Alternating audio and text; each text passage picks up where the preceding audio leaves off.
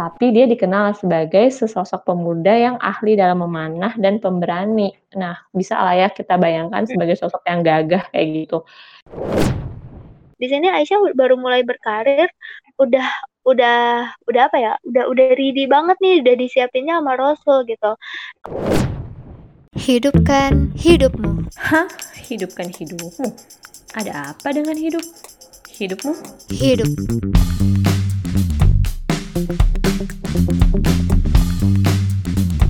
Bismillahirrahmanirrahim. Assalamualaikum warahmatullahi wabarakatuh.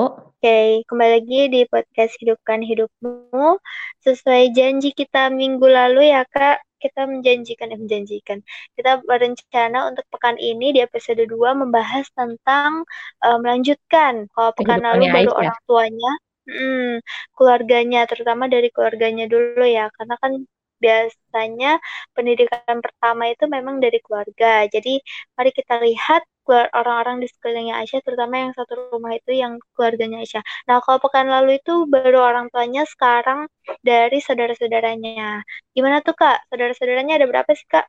Oke, kalau saudaranya itu sebenarnya ini ada empat. Cuma untuk kesempatan kali ini aku mau menceritakannya dua, dua dari empat saudara lainnya ya. Yang pertama itu ada Asma bin Abu Bakar dan ada Abdurrahman bin Abdu Ba- Ab- Abdurrahman bin Abu Bakar. Nah, eh, untuk Asma sendiri ini ya kedengeran lah ya dari namanya dia adalah sesosok perempuan eh, yang mana mm, zaman dulu itu Asma ini dikenal dengan Zatini Takoini. Apa sih sebenarnya Zatini Takoini ini? Nah, Zatini Takoini ini adalah eh, artinya itu perempuan berselendang dua kayak gitu loh, perempuan yang memiliki selendang dua. Kenapa sampai bisa dijuluki atau mendapatkan eh, perumpamaan yang kayak gitu eh, kepada Asma zaman dulu itu? Karena di zaman dulu waktu Abu Bakar bersama Rasulullah ini sedang mengadakan sedang mengadakan hijrah ke Madinah, kan yang namanya hijrah itu nggak langsung sekali jalan langsung sampai ya, tapi itu ada checkpoint-checkpointnya gitu, ada pemberhentian-pemberhentiannya. Nah, jadi waktu itu Asma nih eh, menyamperin nyamperin Abu Bakar bersama Rasulullah ketika sedang beristirahat. Tujuannya itu untuk memberikan perbekalan. Perbekalannya ya macam makanan, obat-obatan, kayak gitu untuk dibawa ke Madinah. Bukan dibawa sih ya untuk bekal selama perjalanan yang panjangnya itu. Nah, akhirnya si Asma ini waktu itu tuh keadaannya beliau lagi hamil. Kemudian ketika lagi hamil ini ya udah kan eh, ngangkut lah ibarat kata tuh ngangkut banyak persediaan barang-barang yang dijadikan perbekalan. Nah, cuma ya ketika udah nyampe eh, ketemu nih sama Rasul sama Abu Bakarnya, Asma ini teringat dia tuh lupa dia hanya membawa satu selendang yang mana itu yang yang dia kenakan dia nggak bawa selendang lebihnya. Sedangkan untuk membawa perbekalannya itu biasanya orang-orang sana tuh eh, memakai ya selendang gitu loh untuk dipikul di pundak gitu deh kayak kalau aku boleh mengimajinasikannya kayak mbok-mbok jamu gitu loh eh, ngebawanya. Hmm, Mungkin ya ini pakai mungkin kain gitu ya? Heeh, pakai kain. Mungkin ya karena karena ya untuk apa gitu sampai dibilang di sini selendangnya dibagi dua, satu diberikan kepada Rasul dan satunya dipakai oleh Asmanya yang mana waktu itu kan Asmanya lagi hamil ya, jadi perlulah adanya kain untuk menopang perut dan eh, perbekalan dia yang dia bawa juga. Kayak gitu. Jadi kan Hmm. kalau kita imajinasikan ya berarti kurang lebih eh, kain itu selendang itu dipergunakannya untuk eh, tadi eh, gembol gitu lah ya eh, untuk ngangkut si Hmm. perbekalannya. Nah ya udah akhirnya setelah dibagi dua, terus yang satu buat Rasul dan Abu Bakar, yang satunya dibawa bawa pulang. Nah dari situlah Asma ini dikenal sebagai Zatini Takoini kayak gitu. Ya intinya perempuan yang tangguh ya lagi hamil terus mau-maunya gitu tuh sempat-sempatnya nyamperin Rasulullah bersama Abu Bakar untuk ngasih perbekalan. Nah, kemudian eh, lanjut ke Abdurrahman bin Abu Bakar. Siapa sih Abdurrahman bin Abu Bakar ini? Nah, dia ini sebelumnya tuh eh, memang bukan seorang muslim. Nah, tapi dia dikenal sebagai sesosok pemuda yang ahli dalam memanah dan pemberani. Nah, bisa lah ya kita bayangkan sebagai sosok yang gagah kayak gitu. Nah, dulu dia tuh eh, ja- dulu dia jadi ini jadi pemimpin dan pasukan. Sempat sempat lah sempat dia ada kalinya dia jadi pemimpin pemanah, ada ada saatnya dia menjadi eh, hanya seorang pasukan di dalam eh, kelompok pemanah. Nah, Abdurrahman Eh, itu tuh udah sering ikut perang, perang Badar, perang Uhud dia ikut. Cumanya dulu dulu itu tuh dia belum masuk Islam. Jadi sehingga ketika perang Badar dan perang Uhud, uh, dia tuh ada di kelompok yang berseberangan dengan Abu Bakar dan uh, Nabi Muhammad. Nah, sampailah puncaknya itu ketika di perang Uhud. Di perang Uhud ini uh, Abu Bakar dan Abdurrahman yang mana seorang ayah dan seorang anak itu harus head to head dan di situ akhirnya sama Rasul itu dilerai kayak uh, ya intinya diingatkan oh, walau bagaimanapun dia tuh masih dari daging kamu kayak gitu dan di situlah uh, makinlah si Abdurrahman ini ya gimana ya adalah rasa rasa penghormatan yang lebih gitu loh kepada ayahnya. Iya, iya memang benar dia ayah saya kayak gitu. Dan dari situ mungkin bisa kita lihat uh, Abdurrahman ini semakin menjemput hidayah dari Allah kayak gitu. Sehingga di perang berikutnya, di perang-perang lainnya, dia itu udah uh, masuk ke Islam, udah udah hijrah, udah hmm. udah dibaiat oleh Rasul. Dia mendatangi Rasul untuk minta dibaiat. Nah, kan uh, dari sana juga terlihat ya bagaimana seorang anak bisa meneladani soal uh, ayahnya, sesosok ayahnya, ayahnya. Uh, tanpa yeah, yeah. Iya. padahal Abdu Abu Bakar nih nggak pernah sama sekali memaksa Abdurrahman untuk kayak ya Abdurrahman ikutilah uh, agamaku kayak gitu tuh tuh enggak kayak gitu. Uh, hmm. Abu Bakar mendidiknya, membesarkannya dan ya tetap memberikan teladan tanpa memaksanya. Nah, hingga suatu hari terdengar kabar bahwasanya Abdurrahman ini dibayar oleh Rasul, ya betapa senangnya hati Abu Bakar kayak gitu. Nah, di dari sana juga uh, Abdurrahman ini semakin semakin gagah gitu, semakin kokoh pendiriannya. Dia semakin tahu uh, kemampuan dia, skill dia dalam memanah ini dia pakai untuk apa. Dia tuh semakin tahu. Nah, kan biasanya orang ketika semakin tahu tujuannya, dia juga akan semakin uh, mantap menjalaninya gitu, semakin semakin yakin, semakin percaya, semakin hebat kayak gitu. Ketika harus menjalaninya. Nah, akhirnya pembuktian itu sampailah di perang Yamamah. Pembuktian uh, terbuktilah di perang Yamamah ini Abdurrahman ini mampu mengalahkan uh, kelompok musuh yang mana waktu itu tuh dipimpinnya oleh Musailamah Al-Kadzab. Nah, di sana Abdurrahman ini mampu melumpuhkan dalam artian ya membuat keok gitu, membuat keok si uh, Musailamah Al-Kadzab ini. Dan di situlah Abdurrahman semakin ya istilahnya namanya semakin harum gitu. Kayak wah nih pemuda pemuda yang gagah berani uh, pemuda Islam yang memperjuangkan membela agama Islam uh, dengan kemampuan dia kayak gitu. Dan dia pun ya emang bangga emang emang sengaja dia kayak gitu. Dia totalitas memakai kemampuannya kayak gitu. Kalau dari Abdurrahman Iya, gitu. iya, ih keren banget sih. Itu saudaranya kayak aku ambil hikmahnya. Jadi emang kalau dimulai dari Asma ya, kalau misalkan hmm. Asma ini emang, maksudnya kayak sebenarnya kalau perempuan memilih untuk uh, malas-malasan tuh ya bisa banget ya, apalagi perempuan perempuan yang lagi hamil gitu kan. Kayak biasanya kalau di film-film biasanya kan kayak kalau misalnya perempuan hamil tuh kayak mood swingnya lumayan terus udah kayak gitu kayak banyak maunya juga. Tapi ini Asma tuh memilih untuk menjadi seorang ibu hamil yang tangguh ya nggak sih kak? Kayak yeah, bayangin aja berjuang. kayak Oh, yang mau berjuang kayak padahal lagi hamil. Tapi ini tuh sampai harus naik gunung gitu itu kan bukan sesuatu yang mudah.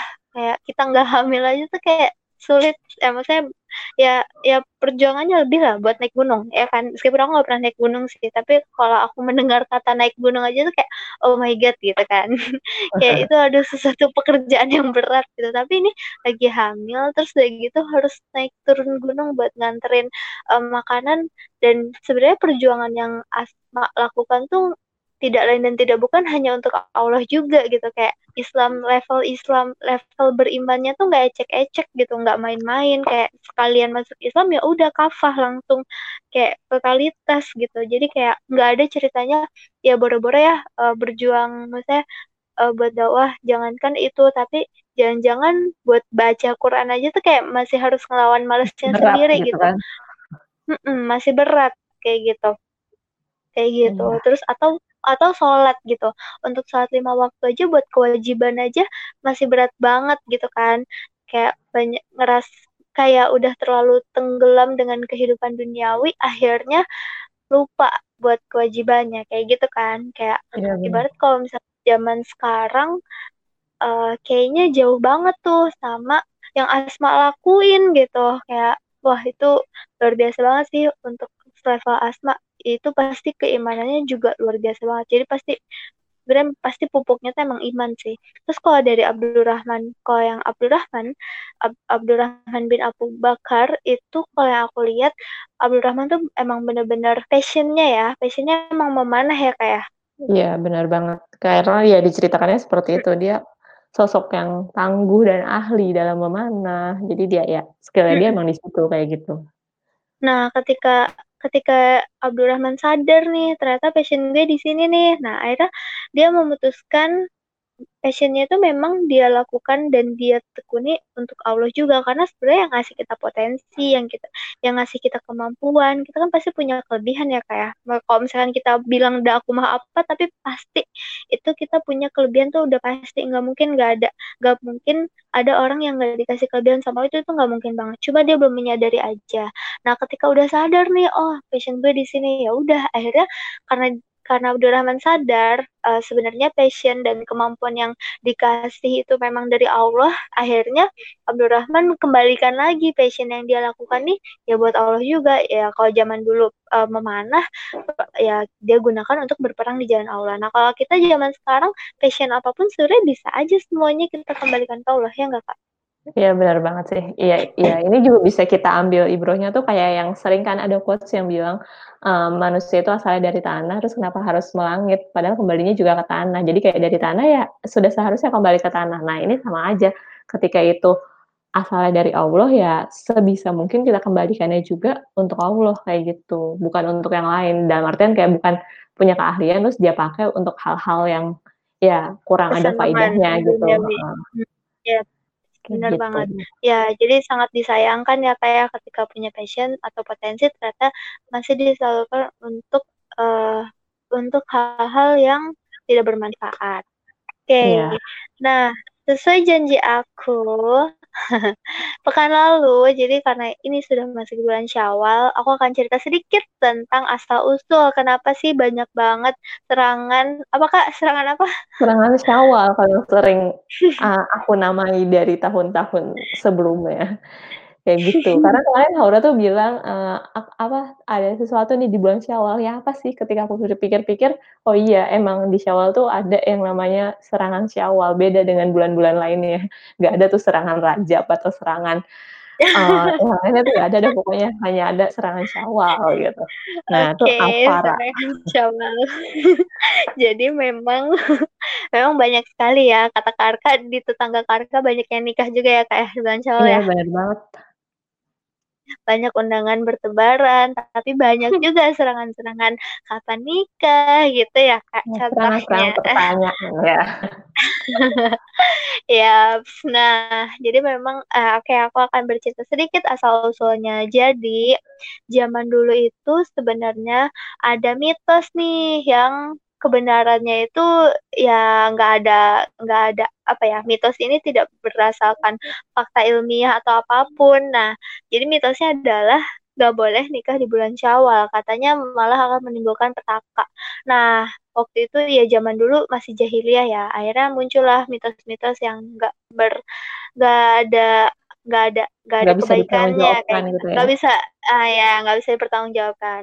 Nah, akhirnya ya Rasul ya ya pada kalau dalam Islam semua bulan itu uh, baik untuk menikah. Baik. Akhirnya Rasul mem mematahkan mitos tersebut dengan menikah di bulan Syawal kayak gitu. Nah, seperti contohnya adalah Aisyah binti Abu Bakar yang dinikahi oleh Rasulullah di bulan Syawal. Nih, kisah cintanya kan biasa kan kalau orang nikah pasti nanya eh kisah cintanya gimana ya nggak sih kak? Kagak yeah, pernah nggak nanya sama orang tuanya, ya kan? ya kayak gitu nih. Aku akan menceritakan kisah cinta. Ya pertama kali uh, Rasulullah menikahi Aisyah. Jadi pertamanya adalah uh, langsung dari Allah sih lang eh bukan dari Allah iya dari Allah tapi lewat Jibril. Langsung dikasih petunjuk sama Jibril lewat mimpi dari semua istri Rasul nggak ada yang dimimpin. Cuma Aisyah doang. Jadi waktu itu Rasul bermimpi uh, ditunjukkan gambar gambar itu pertama ditutup dulu pakai kain warna hijau terus kayaknya disingkapkan terus dari gitu ternyata yang ada adalah gambar Aisyah sampai tiga malam dimimpin itu mulu terus dari kayak gitu Jibril bilang wahai Rasul sesungguhnya ini adalah uh, istri kamu di dunia dan di akhirat kayak gitu. Nah dari semua istri Rasul ini keutamaan dari Aisyah. Ya cuma Aisyah yang di kayak gituin gitu. Dan memang cuma Aisyah juga sih yang dinikahkan oleh Rasul uh, ketika masih uh, gadis gitu.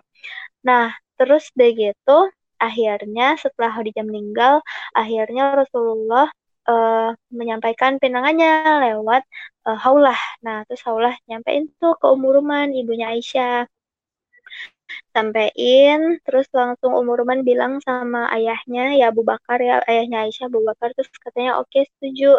Ada udah deh Aisyah yang tadinya lagi main kan umurnya masih enam tahun ya lagi main di luar hmm. terus suruh pulang terus sudah didandanin terus sudah deh dinikahin. Kayak kayak dia juga nggak tahu deh dia pasti sadar sih kalau itu udah nikah cuma ya udah deh cuma masih kecil ya pemikirannya kayak belum sekompleks itu gitu. Nah terus deh kayak gitu tapi nggak langsung tinggal serumah ya. Tiga tahun kemudian ketika hijrah ke Madinah, kan tadinya di Mekah tuh nikah awalnya. Terus tiga tahun kemudian udah di Madinah, setelah perang Badar, waktu itu kan perintah puasa pertama kali tuh uh, pas udah di Madinah tuh uh, pas uh, pas pertama kali puasa dan itu udah langsung disuruh perang perang Badar. Nah terus pas di bulan Syawalnya itu kan Ramadan. Pas di bulan Syawalnya baru deh pulang dari perang Badar itu uh, tinggal satu rumah sama Aisyah gitu. Nah sebenarnya ketika menikah masih kecil pun Rasul nggak memperlakukan Aisyah selayaknya uh, perempuan dewasa lainnya seperti pada biasanya. Tapi karena memang Aisyah ini kan masih kecil, jadi kayak banyak pemakluman-pemakluman yang Rasul lakukan. Kayak misal, sering banget tuh teman-temannya Aisyah dibawa ke rumah buat main sama Aisyah. Ya kan masih masih masih masa-masanya main gitu kan. Terus deh gitu pernah juga kalau misalnya teman-teman pasti tahu sih lagunya pasti. Ini nggak ada yang nggak mungkin. Nggak ada yang nggak tahu lagunya. Ini udah viral banget. Kayak pasti kan ada kalimat berlari-larian ya emang benar yeah. kayak Rasul tuh pernah lagi di suatu perjalanan sengaja ngajak Aisyah lomba lari. Ya karena menyesuaikan sama umurnya Aisyah kayak gitu. Jadi biar Aisyahnya happy gitu kan Rasul rela buat lomba lari gitu. Rela buat ngajak lomba lari Aisyah supaya Aisyah senang kayak gitu. Ya udah biar Aisyah senang aja dan itu disesuaikan. Karena usia Aisyah masih sekian akhirnya ya Rasul ngerti oh bahagianya Aisyah tuh kayak gini nih. Ya udah Rasul lakukan itu kayak gitu. Kalau misalkan ada lagunya karena wanita ingin dimengerti ya emang itu juga udah dicontohin sama Rasul. Jadi Rasul pun uh, selalu mengerti apa yang uh, istrinya apa ya apa yang membuat istrinya bahagia ya nggak sih kak iya terlihat dari sana ya. intinya ada hmm, penyesuaian penyesuaian ya kayak gitu kan bagaimana Rasul berusaha menyenangi menyenangi Aisyah dan ya itu tadi kan dengan lari-lari dengan memperbolehkannya dia main beda tentunya ketika uh, Rasul mm. uh, memperlakukan istri-istri lainnya kayak gitu kan uh -uh. ya disesuaikan dengan istrinya kayak gitu yeah. Nah pokoknya intinya banyak banget deh pemaluman ah bukan pem, ya ya nggak hanya pemaluman pengertian pengertian lah ya dan pema, kalau pemaluman tuh terkesan Aisyahnya salah gitu oh. eh enggak sih kak ke iya. pengertian pengertian Nah, dari situ sebenarnya emang banyak sih pengertian-pengertian dari Rasulullah terhadap Aisyah kayak gitu. Nah, sebenarnya memang sih banyak yang mempertanyakan uh, kenapa nih nikahnya di usia masih kecil gitu kan. Jadi sebenarnya di balik itu semua sebenarnya ada ada hikmahnya tersendiri. Jadi Aisyah ini kan tinggal sama Rasul di usia 9 tahun. Sedangkan Rasul meninggal itu ketika Aisyah berusia 18 tahun. Nah, dan Aisyah ini jadi kalau misalnya dalam parenting itu ada namanya golden age. Golden age itu umur berapa sih, Kak? Uh, ya, beda-beda sih sebenarnya. Pasti ya entar akan ada paham-paham tertentu yang memberikan informasi itu. Nah, cuma kalau aku boleh berbagi nih, uh, jadi dulu waktu itu nggak dulu sih ya beberapa waktu lalu aku pernah mengikuti seminar parenting. Nah, di sana dibahas tentang golden age. Nah, golden age di sini tuh dibahasnya tapi dari perspektif Islam yang mana itu berangkat dari uh, masa akil balik kayak gitu loh. Dibahasnya tuh dari sisi itunya dan di sana dikatakan bahwasanya masa-masa golden age seorang anak itu atau seseorang itu ya dimulai dari 0 sampai 12 tahun. Karena kan ya masa-masa seseorang balik atau dikatakan dewasa kan ya dari 12 tahun ke atas kan ya. Nah, di sana seharusnya peran orang tua atau peran ya peran orang-orang yang ada di sekitarnya itu tuh mampu memberikan peran positif untuk tumbuhnya dia sehingga ketika umur 12 tahun ke atas tuh dia sudah bisa membedakan mana yang hak dan mana yang batil kayak gitu, atau mana sih yang menjadi hak dia dan mana yang menjadi kewajiban dia, kayak gitu. Jadi istilah kata dari umur 2 eh, 0 sampai 12 tahun tuh udah dianyam sebaik mungkin gitu loh. Jadi dia Oke menjadi matang iya ke iya. depannya, kayak gitu. jadi Matang golden dan matangnya tuh secara sadar gitu loh. Nah, iya iya, jadi memang golden age itu nggak seperti yang kita kira ya, cuma sampai 5 tahun, ternyata sampai empat bela sampai 12 tahun. Kalau buku parenting yang aku baca itu sampai 14 tahun. Nah jadi berarti kalau kayak gitu, berarti kan dari umur 9 tahun kita hitung aja sampai umur 14 tahun lah ya. Berarti Mmm. ada sekitar 5 tahun tuh, kan berarti kan hidup sama Rasul sekitar 9 tahun. 5 tahunnya ini masa-masa golden age-nya Aisy Aisyah kayak gitu, dan golden age-nya Aisyah ini dibersamai oleh Rasulullah kayak gitu. Nah itu sebenarnya golden age itu kan daya serapnya lagi tinggi ya, Kak, ya.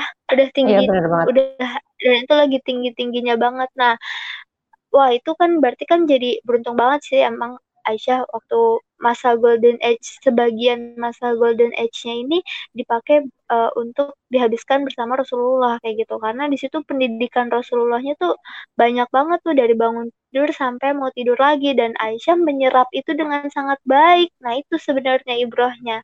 Nah ternyata di balik itu semua, kan Aisyah ini umurnya 18 tahun ketika Rasulullah meninggal. Jadi sepeninggalan Rasulullah, Rasul tuh nggak cuma nggak ninggalin dengan cuma-cuma, tapi ya udah mem udah men udah udah membuat settle lah ya, eee, keadaan Islam, di samping itu udah membuat Islam settle dan di samping itu juga, eee, ada Aisyah yang akan melanjutkan dakwahnya Rasulullah kayak gitu. Ya istri-istri Nabi yang lain juga, cuma Aisyah ini memang umurnya kan masih 18 tahun. Kalau kita kan 18 tahun tuh masih fresh-fresh-nya kayak baru mau mulai berkarir gitu kan. Nah di sini Aisyah baru mulai berkarir, udah udah udah apa ya, udah udah ready banget nih, udah disiapinnya sama Rasul gitu. Dan ya udah akhirnya dipakai deh buat dakwah. Bahkan sampai sampai para sahabat itu kalau bingung, itu tuh nanya ke Aisyah, nggak cuma sahabat terus sa nggak cuma sahabiyyah, tapi sahabat-sahabat yang laki-laki pun nanyanya ke Aisyah.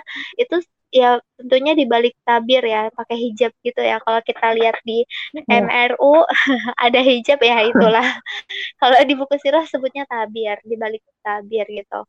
Nah, eee, nah bahkan sampai yang bingung-bingung tuh kayak misal ahli apa, tentang warisan, itu kan matematika ya, dan mungkin, eee, dan memang Aisyah ini cerdas juga. Jadi tentang perhitungannya ya cukup pandai lah kayak gitu. Terus udah kayak gitu, eee, selain itu juga sampai sahabat tuh sampai bingung kan, "Ini Aisyah kenapa nih?" Eee, maksudnya kok bisa gitu kan. Eee, bahkan sampai ilmu kedokteran pun Aisyah tahu. Akhirnya ditanya, "Wahai Aisyah, eee, engkau dapat dari mana sih?" Gitu kan ilmunya, "Kok bisa tahu ini itu?" Gitu. Terus kata Aisyah, termasuk yang kedokteran itu tuh, kan ditanya nama sahabatnya. Terus kata Aisyah, "Iya waktu itu Rasul sakit." Nah ini hikmahnya juga nih, ternyata Aisyah eh ternyata Rasul waktu sakit, eee, di rumah Aisyah dan Aisyah waktu itu kan daya serap daya serapnya tinggi banget, akhirnya bisa ngajarin kan buat yang lainnya. Eee, waktu itu Rasul sakit, terus Rasul ngasih tahu, eee, kalau misalkan sakitnya ini, eee, minta tolong ke Aisyah buat, eee, nyiapin yang ini, terus kalau misalkan sakit yang ini, nyiapinnya yang itu, kayak gitu. Jadi, eee, wah itu ibrahnya emang luar biasa banget sih. Akhirnya Aisyah pun ngerti ilmu kedokteran, kayak gitu. Gitu sih dan selanjut-selanjutnya itu memang Aisyah paling banyak banget, eee, untuk kalangan perempuan itu yang paling banyak meriwayatkan hadis. Ya di situlah ibrahnya menikah di usia sekian, gitu. Iya. Bener sih, maksudnya bukan bener sih kita harus nikah muda, tapi ternyata ada hikmahnya di balik, eee, mengapa Mhm. Rasulullah itu menikahi Aisyah di masa muda, di masa ya Mhm. belianya gitulah, bukan masa muda Kecil, lagi, bahkan ya. belia gitu tuh. Karena apa? Ya Iya. karena ada ada dakwah juga yang masih, eee, ingin dilanjutkan oleh Rasul, ada ada dakwah yang dipikirkannya oleh Rasul kayak Mhm. gitu. Kayak ya ya mungkin nggak mungkin sih emang kenyataannya kayak gitu, saking cintanya Rasul kepada umatnya ya, sampai dia memikirkan bagaimana kelanjutan keberlanjutan dakwah setelah ia wafat. Mmm, Gitu sih, iya. gue dapet kok, gue dapet. Sustainable. Heeh, iya. Nah gitu sih guys, ya udah gitu deh. Oke, karena kita udah menepati janji, goodbye. Gading. Oke, udah kan kak gak ada lagi kan? Iya, nggak ada nggak ada. Cukup kan segitu cukup lah. Ya. Kayak gitu. Kayak mungkin Nah, jadi kalau ditekankan eh, jangan intinya apa? jangan jangan gelap mata. Kenapa? Kenapa? Kenapa di, anak kecil dinikahin? Boleh, Ternyata boleh, boleh. Gitu gitu. Ya, Iya kayak gitu. Nah, ya jadi ya aku nangkep sih dari cerita yang udah diceritain Haura atau bahkan dari ya buku-buku literasi gitulah ya, siro-siro yang pernah dicerit yang pernah aku baca atau bahkan dulu pernah juga diceritain sama guru gitu ya. Terkait eh, ceritanya Aisyah nih, terkait kehidupannya Aisyah bersama Rasul atau ya lebih tepatnya pernikahan Rasul dengan Aisyah itu seperti apa dan bagaimana. Nah, di sana ternyata eh, banyak hal-hal yang positif gitu. Jadi di sini sih kalau kalau lagi-lagi nih kalau aku boleh ya boleh berbagi atau boleh berpesan atau boleh menekankan eh, ini tuh bukan suatu hal yang negatif gitu loh. Mungkin banyak ya di kalangan kita atau ya di kalangan teman-teman aku dulu pun eh, waktu kuliah kemarin tuh kayak banyak yang bilang kayak kenapa sih harus nikah muda? Eh, haruskah mencontoh Rasul sebegitunya kayak gitu atau dibalikinnya kayak ya itu kan Rasul, Rasul tuh punya segalanya kalau laki-laki lain emang punya apa? Atau bahkan emang kita nih perempuan tuh punya apa? Kayak gitu. Sampai berani nikah muda. Cuma ya itu tuh kayak terlalu negatif gitu loh.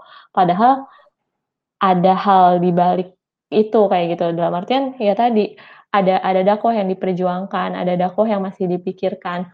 Ya ya bukan nikah sekedar nikah lagi-lagi. Beda beda pastinya kalau Rasul dulu nikah sekedar nikah dengan nikah yang masih memikirkan. Buktinya Rasul aja tuh sampai sampai dimimpiin. Baru akhirnya beliau berani ambil tindakan kayak gitu. Gak ujuk-ujuk atau gak tiba-tiba langsung ah gue mau nikah. Udah datengin aja lah Aisyah nih anaknya sahabat gue gitu kan. Anaknya Abu Bakar. Pasti dia mau lah nerima gue kayak gitu. Itu tuh nggak nggak sesempit itu ternyata. Jadi uh, kita harus memperluas uh, pengetahuan kita juga perspektif kita kayak kita harus cari banyak ilmu dulu baru boleh kita mengatakan ABCD gitu sih kalau Oke. kalau dari aku Masya Allah, aku kena banget nih. Merasa tertampar sama Kak Arka. Terima kasih loh, Kak. aduh saya nggak niat nampar loh Iya, nggak apa-apa. ya, ya, ya. Ya bener sih, ya, ya. Jangan sampai apa gelap mata ya, Kak. ya Oke, aduh ngena banget nih. Ya, oke. Eh, ya, masya Allah banget ya. Padahal niatnya share kebaikan ini sebenarnya ini niatnya ya sama-sama ya kak. Aku juga belajar terus kayak banyak sebenarnya banyak ibrah yang yang kita sama-sama masih belajar ya nggak kak. Iya Termasuk banget. Jadi memperluas perspektif. Nah iya kita harus memper, lagi-lagi ya memperluas perspektif dan memperluas ilmu kayak gitu. Jadi kita nggak mentok di situ-situ aja, nggak termakan juga oleh omongan Aduh. orang.